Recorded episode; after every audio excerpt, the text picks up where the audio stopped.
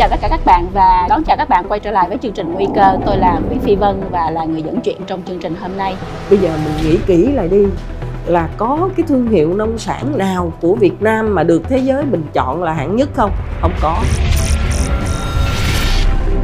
Vừa qua mình đạt được cái thương hiệu là gạo ngon nhất thế giới Không có bảo vệ nó gì hết Thất bại đau đớn đó là một câu chuyện sẽ phải đáng suy nghĩ và cần rất là nhiều những kế hoạch hành động khác mới có thể có một kết quả mới.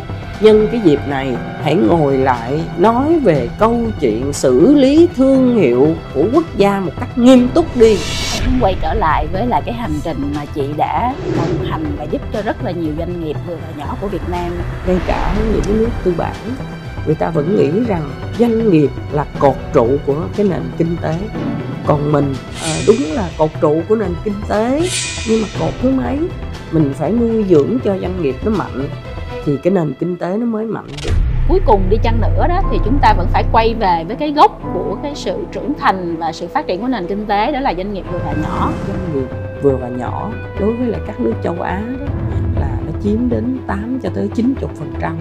Nước nào mà người ta chăm lo giỏi đó là một lực lượng mạnh của nền kinh tế còn nước nào mà không có chăm lo một cách thực chất á, thì nó là gánh nặng của cái nền kinh tế. Vậy thì cuối cùng là tương lai và giải pháp gì cho doanh nghiệp vừa và nhỏ của Việt Nam đây để họ có thể kết nối được vào cái chuỗi giá trị toàn cầu đó? Người yếu thì chỉ có liên kết thôi chứ người yếu mà càng tản mát ra đó thì càng ngày càng yếu hơn. Mình nhìn cục diện của thế giới mình cũng thấy như vậy mà. Và đó là một quá trình không được mất kiên nhẫn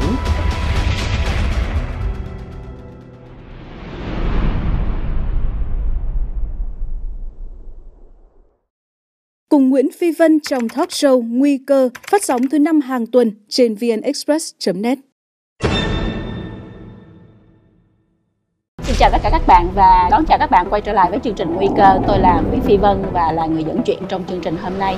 Bây giờ mình nghĩ kỹ lại đi là có cái thương hiệu nông sản nào của Việt Nam mà được thế giới bình chọn là hạng nhất không? Không có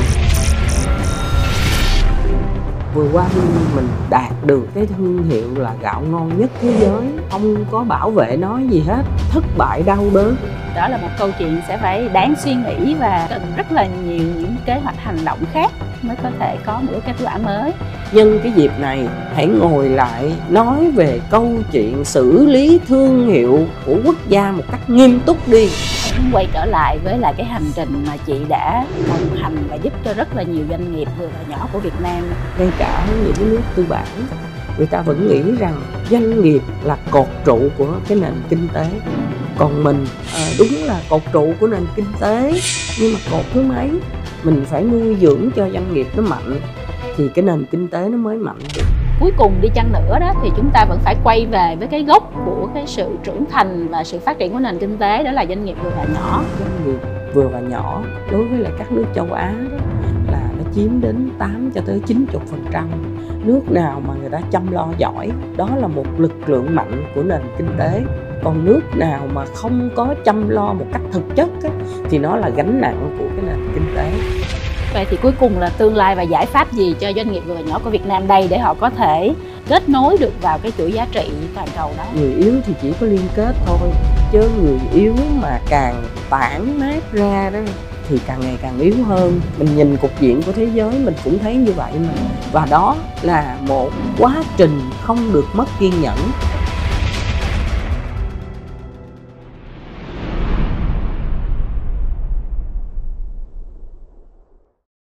cùng Nguyễn Phi Vân trong talk show Nguy cơ, phát sóng thứ năm hàng tuần trên vnexpress.net.